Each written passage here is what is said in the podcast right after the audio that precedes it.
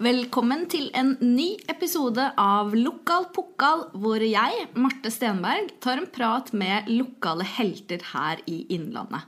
Som jeg syns fortjener å komme fram i lyset. Og i dag så er Meran Ansani på besøk.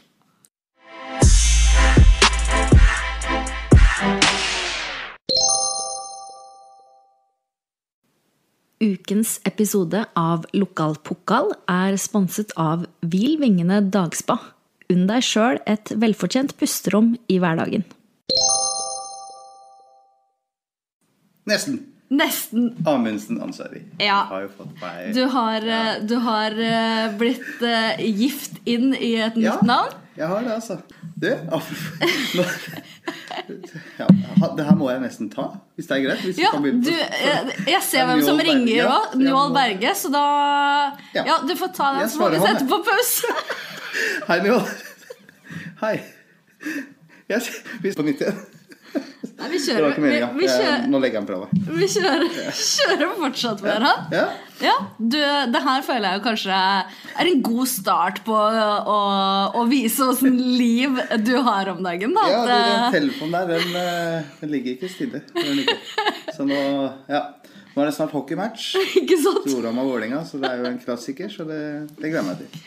Ok, Men tusen takk for at du ville komme hit til Lokal Pokal. da. Det skal bare mangle det. Tusen takk for at jeg ble spurt. Det syns jeg var veldig hyggelig. Ja, Så bra. Eh, For de som ikke helt vet hvem du er ved navn, så har du jo annet hatt mange forskjellige roller i Løten fotball opp gjennom åra. Og så har du vært markedssjef for HamKam, og er nå markedssjef for Vålerenga fotball. Det stemmer. Det er helt kanskje riktig, liksom Riktig de viktigste Ja, det er det. det, er det. Jeg har lyst til å starte med en del av historien din som er høyaktuell med tanke på verdensbildet i dag. Mm. For du er født og vokst opp i Iran. Hvordan var det, og hvilke minner har du derfra? Jeg, også, jeg tror nok ikke jeg hadde det verst av eh, de som på en måte har kommet til, til Norge. da. Jeg, vi kom jo hit i 98, slutten av 98 eh, og ble plassert på asylmottak nede i Nesbyen. Historie, altså Tiden i Iran husker jeg jo egentlig ikke så veldig mye av, men nå har jeg jo vært der faktisk én gang i ettertid. Jeg var der for et par-tre år siden etter jeg kom i fotballen.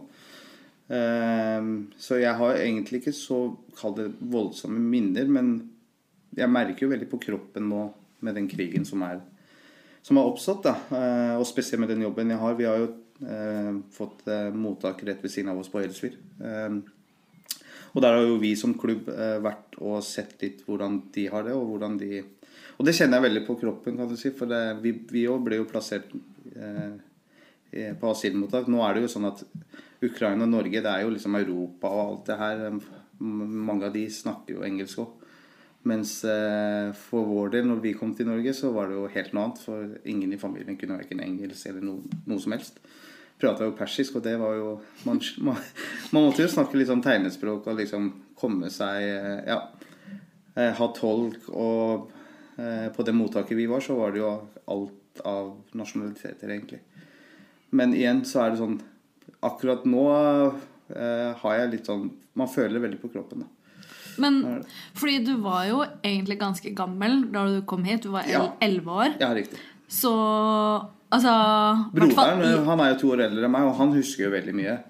Og, og igjen, vi, vi hadde det ikke dårlig verken i Iran eller vi, vi kom jo altså, vi, vi, er jo evig, kommer til å være evig takknemlige for at vi er i Norge, men, men eh, jeg tror nok det er mange som har hatt det og har det verre enn oss.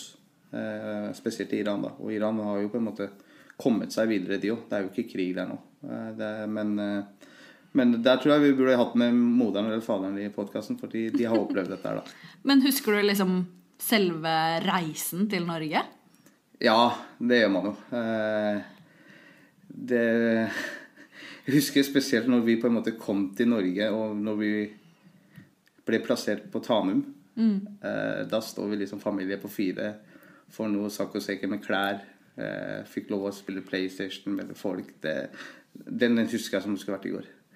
Og så bodde vi på eh, Jeg lurer på om det heter Dikkemark eller Dikmark. Ja, det var, det var en mottak der òg, for flyktninger. Bodde der i et par-tre uker før vi ble plassert i Nesbyen. da.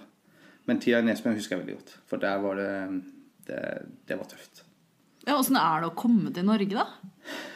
Akkurat da eh, Altså, når man holdt på å si, mimler litt tilbake i tid, da, så Jeg har det jo jævla fint nå. Kunne jo ikke hatt det bedre. Eh, Men akkurat de to åra vi bodde i Nesbyen, og litt begynnelsen i tida mi i Løten, så var det, så var det fryktelig. For du, du kan liksom ikke språket, du kan ingenting. Du prøver å leke med barn. Eh, På mottaket så gikk det jo greit, for da var vi alle egentlig fra samme situasjon, da. Men prøve å få seg norske venner, eller, eh, og spesielt i Nesbyen, så var det jo Det er jo en bygd på et par-tre tusen innbyggere.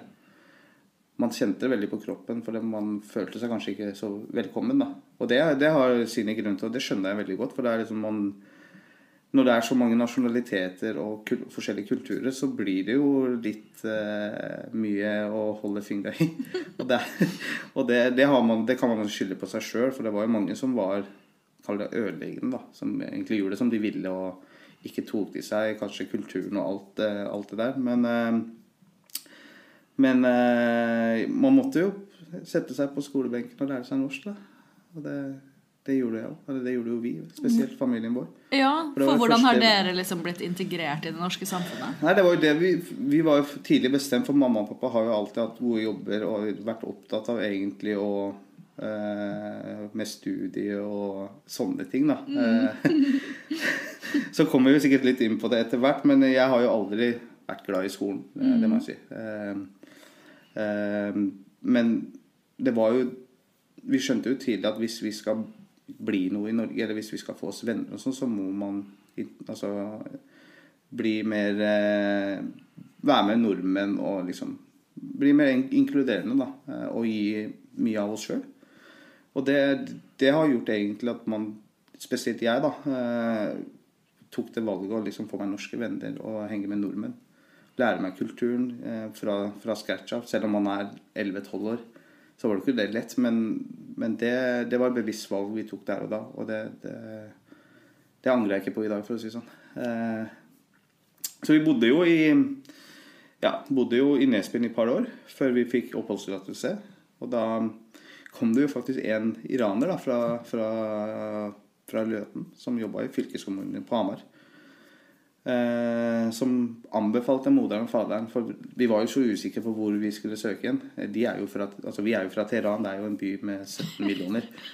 Kommer til Nesken til par-tre tusen, og så ville jo pappa og mamma var veldig klare på at nei, vi må flytte til Oslo, for det er liksom den største byen. og eh, bor kanskje flest med iranere og ja, eh, litt sånn At man kunne liksom komme seg litt i fortest mulig i arbeidslivet osv.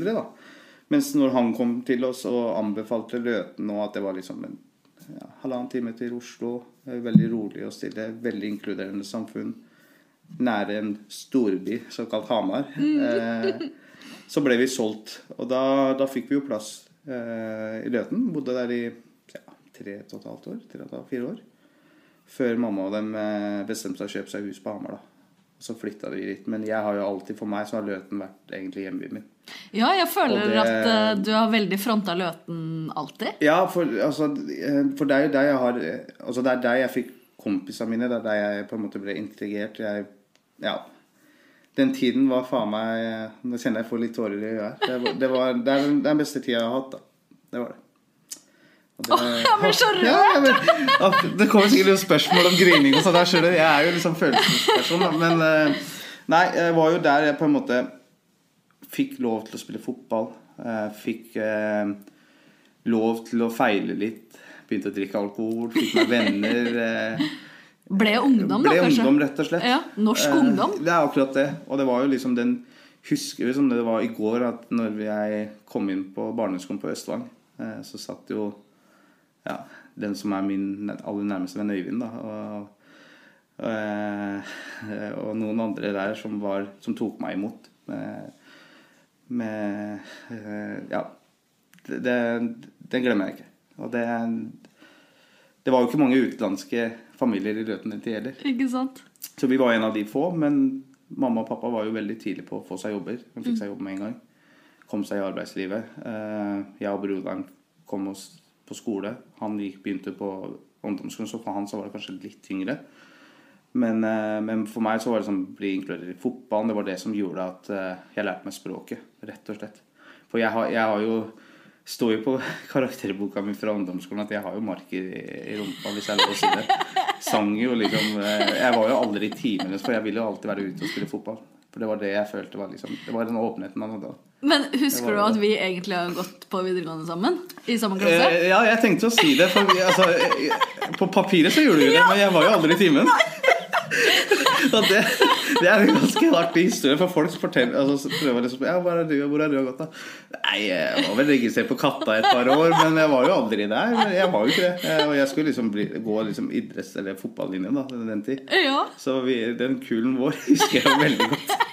Men, eh, men det, igjen da, så var det sånn Jeg har jo på en måte For meg så har det vært heller viktigere å henge med folk enn å sitte i et klasserom og føle liksom Ja. Eh, å lære seg fag og alt det der, det, det har jeg Ja. Det, Er du sånn du har lært deg det du kan Ja. ved å bare studere folk, Ja. lære av folk, sitte på nett og se. Det er, det er det som har gjort at jeg egentlig har kommet så langt som jeg har gjort. da. Jeg syns det er skikkelig kult, jeg.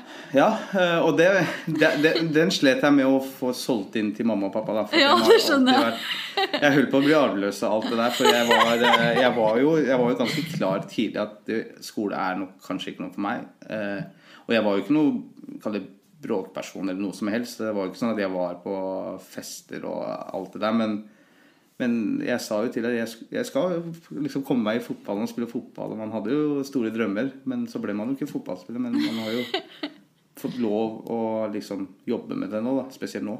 Men Så- kan vi spole litt Ja. tilbake til uh, det du sa om at du nå kjenner på kroppen Mm. Uh, når, du, når du ser de som kommer til Norge Mm. uh, på asylmottak. Fordi det jeg tenkte på, er uh, hvis du var altså, så gammel som 11 år da du kom til Norge, så kan det Mm. jo hende at minnene dine på en måte sitter mer i kroppen enn i hodet, hvis du skjønner, ja, og at du da får en, en kroppslig reaksjon på det Ja, som det, det er skjer nå. det. Jeg husker jo om vi Det var jo jeg, dagliglederen daglig lederen på Vålerenga Samfunn og Vålerenga Bredde, da, som dro sammen til Helsvik for å liksom ta imot de flyktningene. For vi hadde jo lyst til å gi noe tilbake fra Det er jo idretten som er egentlig altså, du, altså, Kommer du inn i idretten, så kommer du egentlig ganske langt. For det er jo så inkluderende, og det er der barna har lyst til å være og tilbringe tid. Og fotballen spesielt, da.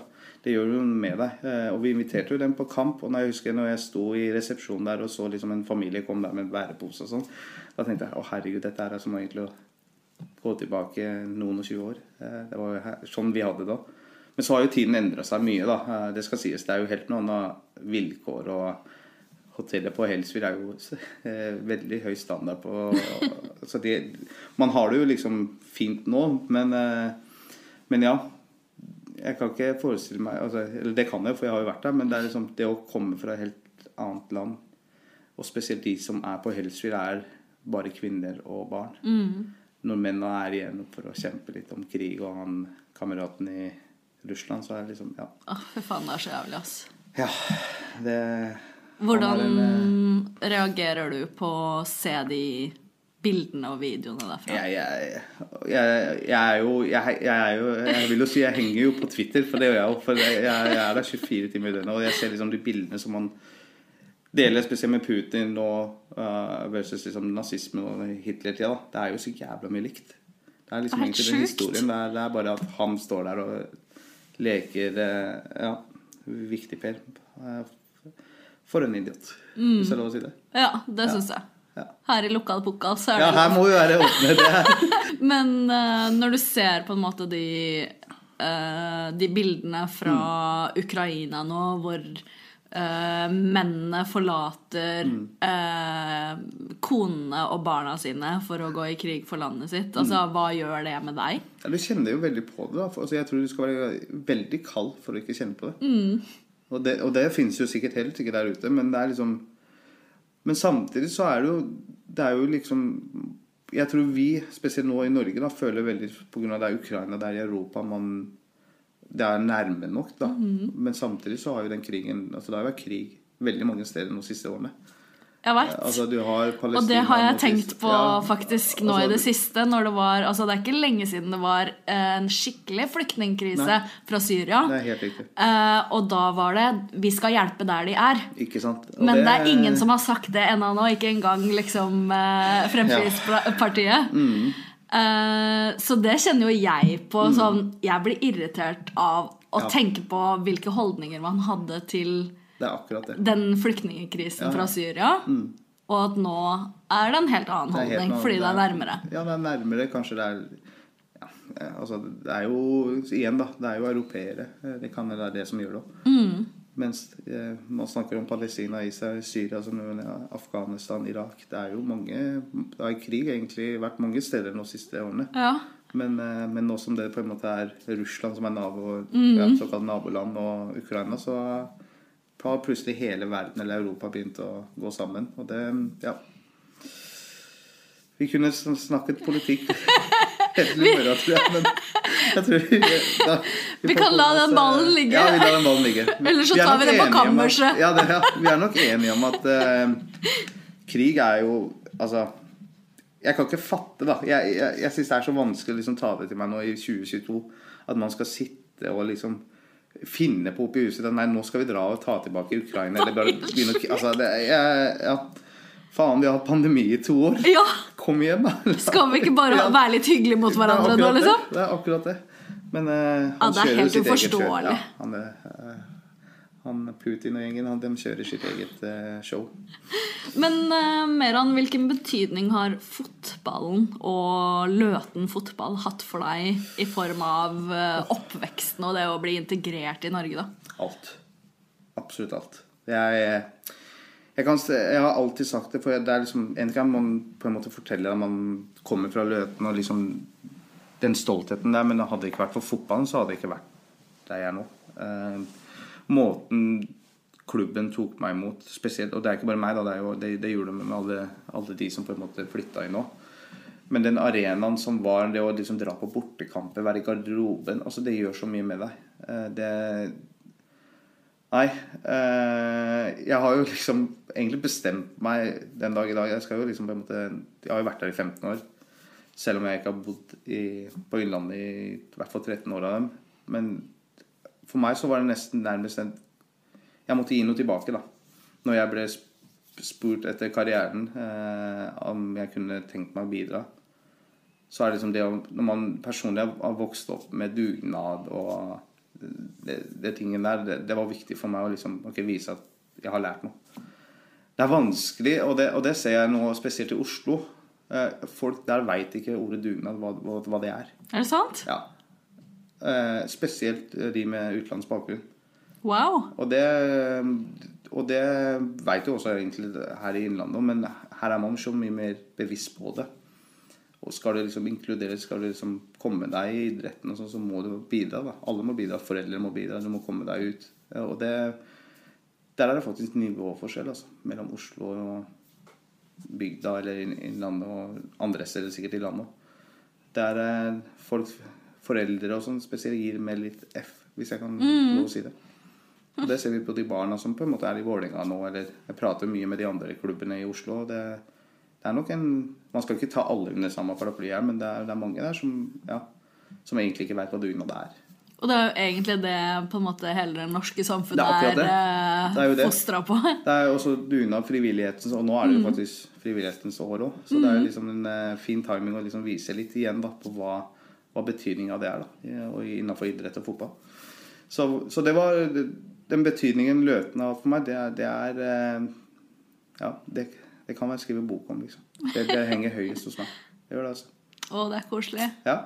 Det er Vil du det. si at eh, liksom fotballen og, og kanskje breddefotballen og den lokale Ja. klubben er en, en av de beste billettene en asylsøker eller Mm. Ja. eh, har inn i det norske samfunnet? Ja, absolutt.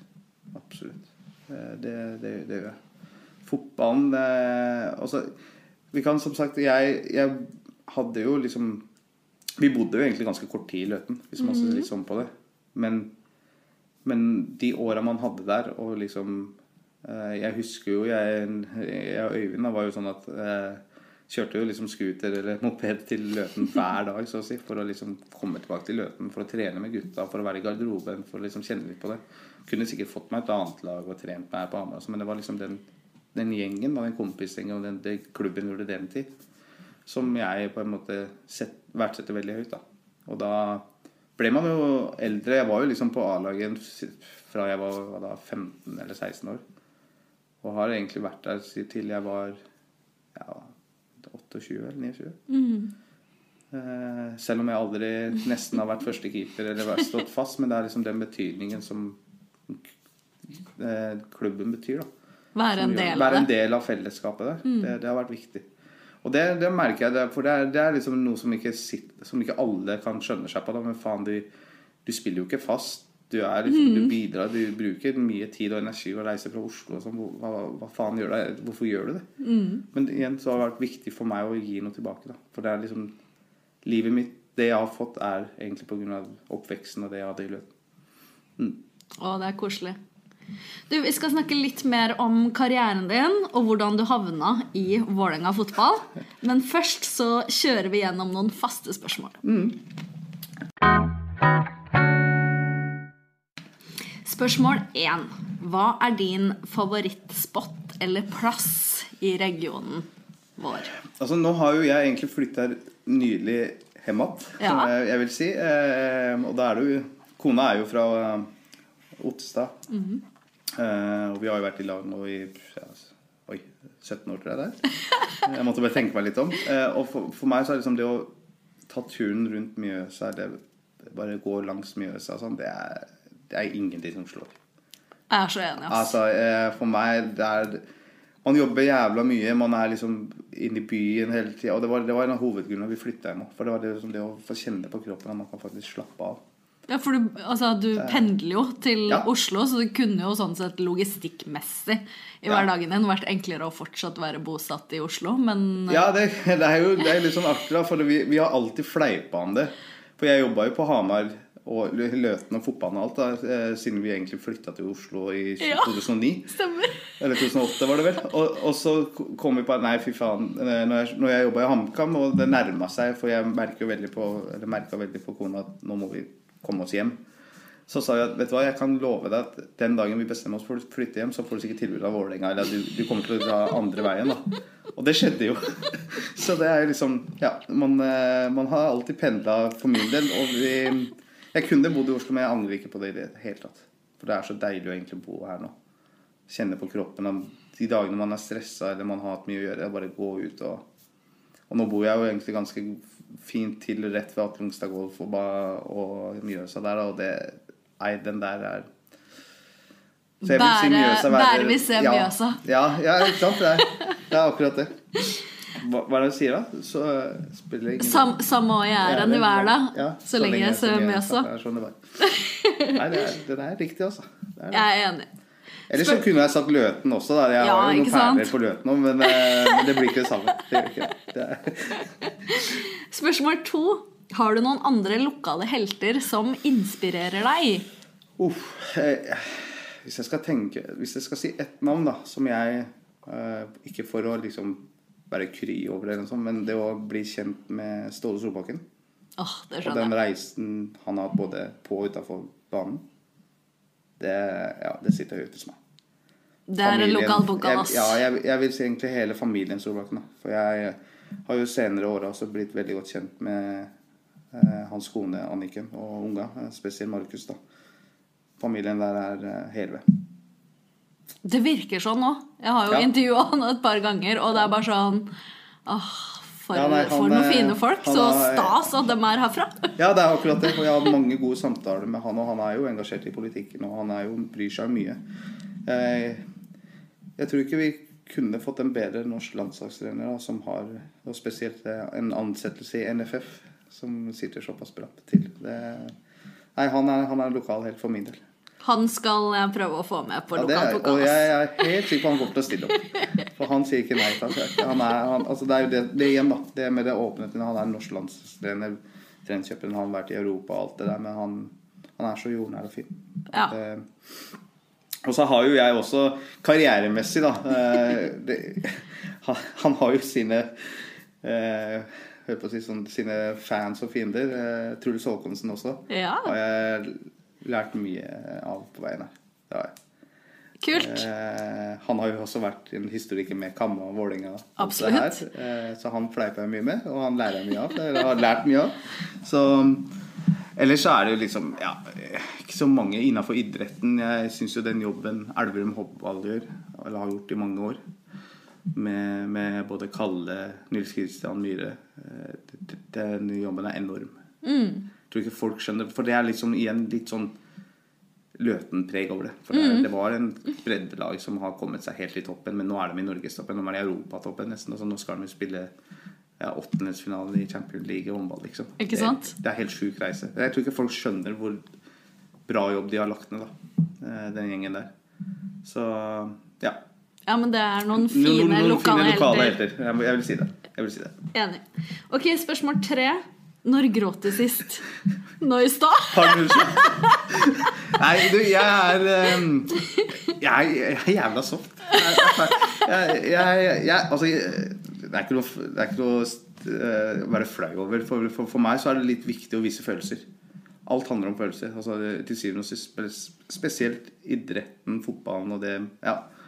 Eh, Det er passion, du skal ha lidenskap, og du skal vise følelser. Og det, det hender ofte jeg setter meg ned, spesielt hvis jeg har hatt det litt tungt på jobb og har vært mye oppi huet mitt, setter meg på YouTube og ser på litt sånn eh, eh, musikkvideoer og sånn, så da, og da, da kjenner man litt på det. Det er litt sånn, ja. Må grine det ut, liksom? Ja, man må det. Jeg er litt sånn der Matoma-opplegg. Sånn Hver gang man får en historiefortelling eller liksom eh, alle de konkurransene som har vært, da eh, Da går jeg liksom setter på topp 100 og sånn, og da feller jeg et par tårer, og så er jeg liksom Da er jeg oppe i ringa igjen. Men det er lenge siden jeg kaller det greiene skikkelig. Det, det er det. Men eh, å felle et par tårer, det gjør jeg ganske ofte. Det er koselig. Ja. Eh, Meran, noe av det som imponerer og inspirerer meg mest med deg, er at du har jobba deg opp fra gulvet og til toppen av norsk fotball. Og du viser for alle at alt er mulig hvis du jobber hardt nok. Og det du har fått til, er bare så utrolig beundringsverdig. Må ikke si så mye. Nå kjenner jeg på kroppen at det er sånn frysninger. Det Det er koselig. Ja. Men har du alltid drømt om å jobbe med fotball på et vis? Eller hvordan, hvordan ble det til? Ja, jeg har egentlig det. For jeg, jeg har liksom Når vi begynte tidligere, jeg har jo liksom aldri sett for meg å være den som går eh, 10-15 på skolen for å liksom fullføre en utdanning for å få meg en jobb på kontor og sånn. Det har jeg aldri sett for meg. Jeg har heller sett for meg jeg skal være den som på en måte bidrar frivillig på fotballen og være en del av gamet, da. Og igjen så tok jeg og skjønte jeg jo tidlig i fasen at jeg blir ikke noe fotballproff som spiller. For eh, man kjenner jo sine begrensninger. Men, eh, men det å kunne bidra til å liksom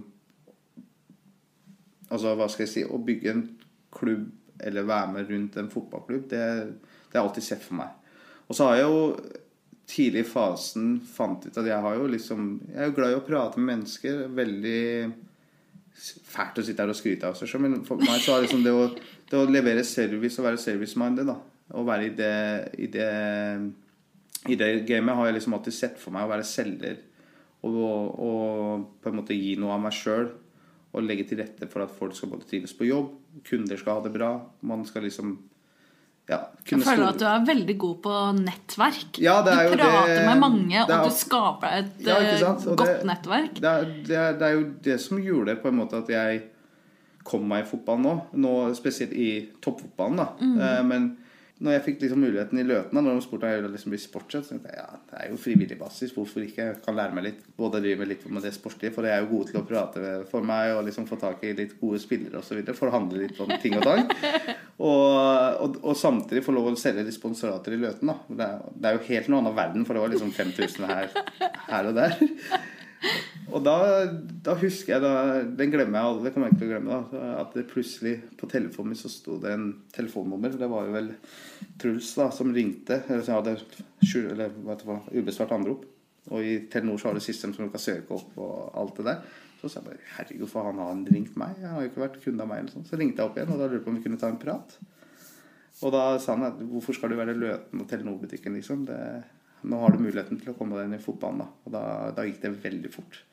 Et par dager så var jeg bare du, Jeg bryr meg egentlig ikke om lønn eller sånn. Dette her skal jeg Nå har jeg muligheten til å komme. Da var det HamKam som ringte. Da var det HamKam som ringte. Så du ble headhunta til HamKam, rett og slett? da? Ja, det ble jeg. Det er jo det, det var sykt stas. Ja, det var, det var sykt, for det var liksom flaggskipet. Ja. Kan man rykke opp til Obos-ligaen. Eh, Vi skulle satse ungt, altså med både meg og Jon Anders. Eh, prata en del med Jon Anders, prata med Nordby Johansen, Håkonsen, ja, Ståle og sånn var involvert òg. Så det, det var, da, da gikk det fort. Og for meg så var det sånn Nå har jeg muligheten til å, til å komme meg i fotballen. Og det er egentlig ikke så mye så stor forskjell med liksom det å levere service og være en god selger og skape relasjoner. Da. Eh, Det var veldig mye likt der. Og da, det var da jeg på en måte kom meg inn i, inn i den bransjen, da, eh, i toppfotballen. Da fikk jeg jo lære litt. Jeg var jo mange, mange timer hos Truls på kontoret hans for å lære hvordan ting er. For det er jo helt noe annet å drive med breddefotball enn å være i toppfotball. Ikke sant? Men, eh, men yter du maks innsats og leverer og er service-minded, så kommer du ganske langt. Altså. Men var det da også du begynte å liksom øh, kjenne på at du kan faktisk leve av å jobbe på markedssida med det du elsker mest, som fotball? Ja, for, for du, du er egentlig Når du jobber i en fotballklubb, da, spesielt en klubb som HamKam, så er du jo en del av gjengen. Du er en veldig viktig del av klubben for at du skal bidra til at man skal ha inntekter. Og det er jo den kommersielle inntektene. Det er jo der si Espen Olsen kan hente spillere for. da. Eh, Der du skal jo legge til rette for et best mulig mannskap på banen. Eh, Og jo høyere inntekter du har, jo større sjanse er det for gode spillere òg. Og da, da, da kjente man veldig på at faen, dette her er gøy. Selv om han ikke er på banen og leverer innsatsen, så kan jeg i hvert fall bidra til at gutta skal ha det bra på banen. eh, De skal ha det bra utenfor banen. Og det gjør at på en måte fellesskapet blir Ja. Og det Ja, jeg får frysninger, Ja, det, det, altså det, Det er, er skikkelig kult. Ja, det er helt enormt, altså. For det, det, det var da jeg kjente at jeg skal aldri ut av idretten igjen. Eh, selv om jeg har hatt mange ganger tanker på Fy faen, hva er det jeg har sagt ja til? Spesielt, for det er jo Du får jo veldig mye nei òg på veien her. Ja. Som salg generelt. Det gjør man jo. Det er i hvert fall den tida nå det jo for, eh, Man skal jo si at den jobben Kamma har lagt ned de siste årene, spesielt med det med kamerater og budskap og alt som har vært der, det har jo på en måte gjort det enklere også, for det skaper jo litt mer troverdighet i markedet, da. Eh, Absolutt. Og, det, og det, den sleit jo, det må jeg innrømme, det sleit jo jeg og Jon Anders og Bleike da, av at vi hadde akkurat rikka opp. Eh, hva hadde vi å vise til, liksom? Men, eh, men jeg vil jo si, selv om eh, jeg husker jo jeg sendte en melding når det ble klart at Kamma skulle rykke opp til Eliteserien. Og jeg har jo fortsatt veldig god kontakt med mange av de folka, både i styre og stell og eierne og alt. Og da, da fikk jeg jo liksom en, Du har jo vært med en del av det, både jeg og Jon Anders, og det, og det, det var veldig hyggelig, da. For det, for det er ikke ofte man tenker på det, egentlig. Ikke sant? Men når man setter seg ned og tenker jo, faktisk så kan den jeg ha vært en del av. For man har jo liksom Det er jo en Det skjer jo ikke over natta. Det, Det er jo historien er for. HamKam på vei tilbake igjen. det er akkurat det. Det er akkurat det. Så det Nei, det Men du, du har jo egentlig vært Vålerenga-supporter i alle år. Når skjønte du du var i posisjon til å kunne bli markedssjef for Vålerenga fotball? Det må jo liksom være det ultimate for deg? Ja, egentlig både ja og nei. For jeg fikk jo muligheten etter et år når jeg jobba i Kamma, eh, å få meg en stilling i Vålerenga. For, for det, jeg på å si, ryktene begynte å gå, og man så jo kanskje innsatsen også i toppfotballen.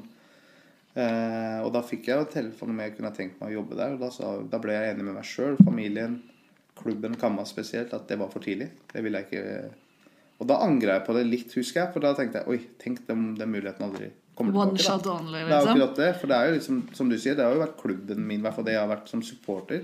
Og det har jeg ikke lagt skjul på heller. Det visste jo Kamma også. Eh, men så lenge man gjør innsats når man brenner for det Og jeg slet jo litt med det når jeg ble ansatt i Vålerenga. For Kamma er jo litt sånn samme historie som Løten òg. Man blir jo, når man gjør en innsats, når man blir jo veldig glad i folka der. Man får, på en måte en klubb nummer to, da. Og for, for det er det for meg. Kamma er liksom Etter Vålerenga så er det Kamma. Eh, Det er det, altså. De Det er sjukt å både være liksom Vålerenga og Kamma-supporter. Ja, det er litt sjukt, faktisk. Det er, det er rart å sitte her og snakke om, for vi hadde jo treningskamp med Kamma i går. Og, det, og, og der trenger vi ikke å snakke resultat, men, Det var jo veldig det hyggelig var jo veldig mye, ja, det var jo veldig mye Kamma-supportere der. Og jeg går jo liksom inn der, og man blir jo tatt så godt imot da, av supporteren som var på, på Intility. Så jeg satte meg ned litt der og pratet litt med folk, for det var så lenge siden jeg har sett mange av supporterne og sånn. Liksom, Vålerenga er jo arbeidsgiveren min, og det er jo fortsatt klubben min. Så. Men jeg må ærlig innrømme at den passion, eller den lidenskapen når du jobber i fotballen, så glemmer du litt det. For du, for du bruker 24 timer i døgnet på fotballen. Og jeg er ikke sånn treningskampen sånn er ikke noe viktig for meg lenger. Før så husker jeg jeg var på alt. Men nå er det sånn, man blir litt, kall det litt lei når man har det oppi huet hele tida. Da, da er det liksom jobben som gjelder. Men eh, Men eh, ja, nei, det, det er stort, ja. Hva er drømmene dine for framtida, da? Åh. Jeg har jeg, som jeg sa Kan det bli bedre nå, liksom? Jeg tenker, jeg, jeg er jo alltid sånn at ja, men det kan jo alltids bli bedre. Ja. Eh, og så er jeg jo egentlig fornøyd fornøyd, altså Jeg er jo glad for å være i Vålerenga, eh, men jeg ser jo for meg at jeg kan ta steget videre. Og jeg har alltid hatt lyst til å på en måte drive en fotballklubb. Og det, det har jeg sittet og pratet med Nå høres det som jeg leverer en jobbsøknad for Vålinga og blir administrerende leder eller direktør. og sånn. Det, det har jeg vært ganske klar. Det kommer jeg aldri til å ta på meg. Om jeg hadde fått muligheten i morgen å bli klubbdirektør i Vålinga, så hadde jeg sagt nei på dagen. Hvorfor det? For det er så, For det første så er det så mye ansvar. Så mye politikk. Eh, og jeg, jeg kjenner mine begrensninger. Det er ikke noe for meg. For da, da tror jeg jeg kommer til å bli lei alt som har med Vålerenga eller alt som har med fotball å gjøre. For det er, eh, det er For det første så er det ikke en 9-4-jobb. Og så er det liksom alt det du gjør Det det er ikke godt nok uansett. Og det er det ikke på markedet heller. Men en daglig leder i en så svær fotballklubb For det er jo det er faktisk en ganske stor fotballklubb, da. Det, det ville jeg ikke ha hatt på meg heller. Men du har hadde- likevel en drøm om å lede Ja. en mindre klubb? Det har jeg. Det blir spennende, Meran. Det gjør det, altså. Det gleder jeg meg til å se eh, hvor, hvor vi havner ja, hvor det er, om det er i Norge eller utlandet og sånn. Og, jeg- og jeg har jo liksom på veien nå med hjemlandet, da, eh, såkalt selv om Norge er på en måte hjemland for meg, så, det jo, så har jeg fått mange kontakter og nettverk i Iran nå som folk ønsker liksom jeg skal dra dit og vise litt hvordan det europeiske markedet fungerer. Og, jeg ble jo invitert over de, for, ja, for et par-tre år siden, når jeg var der for første gang etter vi kom til Norge. Eh, Og det var jo et veldig stort øyeblikk for meg. Og liksom for fotballen i Iran, den, den er enorm. Ikke Jeg var på treningsfeltet til det største laget der, og det er liksom ja, Jeg tror det var rundt 30 eller 40 journalister, kameraer altså Det var helt sjukt. Masse, altså flere tusen supportere enn det det er på, på Briskeby, som var og så på en trening. For det er liksom livet der nede. Og ble invitert til å se første landskampen med der kvinner fikk lov å komme inn. Så det var et ganske stort øyeblikk, da. Og den behandlingen jeg fikk som en europeer eh, og jobber i norsk fotball, den, eh, den bare Herregud, alt er jo liksom kjøpt og betalt her. For du kom liksom inn med limoen der, og jeg bare Hva er det som skjer her, da? Faen, jeg er jo fra lille Løten, jeg er ikke vant med sånne ting. Det var liksom der folk liksom Jeg, jeg tenkte er dette falskt? Altså, det, det, var, det er den sjukeste opplevelsen jeg har hatt. Da tenkte jeg oi, det er ganske stort å jobbe, selv om liksom, du jobber i en norsk fotballklubb. Da, da var jeg jo i Kamma. Ikke sant? Da, da er det sånn Jeg jobber i HamKam, liksom. Det er, hallo, slapp av. Det er ikke Liverpool eller liksom United. Eller liksom, ja. Men der igjen da, så viser det at For det er jo ikke så mange iranere på en måte da, som jobber i fotballklubber. Spesielt ikke i så høye stillinger. Det er det ikke. Og da går jo på en måte det ryktet ganske fort. For jeg jeg ble jo kjent Vi har jo en iransk, eller eks-iransk landslagskeeper som spiller i Norge nå, i Mjøndalen. Og jeg har vært veldig god venn av han, for jeg fikk jo noe faktisk til Mjøndalen eh, runde nummer to. Så jeg liksom på en måte vært litt sånn agent for han da, og hjelpe han på veien her. Og han gjorde jo Og der igjen så er liksom den der at du når du yter litt maksservice, så får du alltid igjen for det. Jeg må le, altså, selvfølgelig har du vært litt agent for Ja. eh, Uten, det skal sies uten å motta noe som helst honorar. Jeg fikk en brukt eh, trøye fra iranske Lagas. Selvfølgelig har du sittet i kulissene og dratt i noen Ja. tråder her. Og det, og det, var, og det var litt For det, der var jeg klar. For da, da begynte jeg å jobbe i Vålerenga. Da, da, da sa jeg til eh, daglig leder vår, da, spesielt at du Nå har jeg muligheten til å få tilbake en gammel landslagsskipper i Iran til Mjøndalen igjen. Eh, Selv om han har vært der før, så ønsker de jo at jeg skal være liksom mellommannet. Er det greit? Og da sa han det er helt i orden, så lenge du ikke mottar honoraret. Sånn, da. Og det var helt fair. Og det gjorde jeg ikke. Men da gjorde jo han at jeg ble plutselig kjent med noen iranske landslagsspillere som er ganske stort for meg. da eh, Kona har jo bodd i England i et par år og studert der i Brighton. Og en iransk landslagsspiller spilte jo der i, i Brighton, og da plutselig fikk jeg VIP-billetter til Brighton-kamp og ble kjent med han. Altså, men det er, sånn, det er så mange kontakter man får på veien her. Plutselig var liksom oppå der og tok med henne dit. Og det, det også var liksom Engelsk Premier League er jo ganske Det er jo svært, da. Og den Der- kampen det husker jeg jo. Så jeg har jo til nå, eh, den dag i dag, så har vi jo veldig god kontakt. Nå er jo han i Feyenoord og spiller der, men han har liksom Jeg husker ikke, jeg tror han har 2,5 millioner følgere på Instagram og følger et par hundre stykker bare. Og jeg er en av dem. Og vi har kontakten. Så det er litt sånn kult. av Det er litt sånn, man blir jo litt sånn kry over det.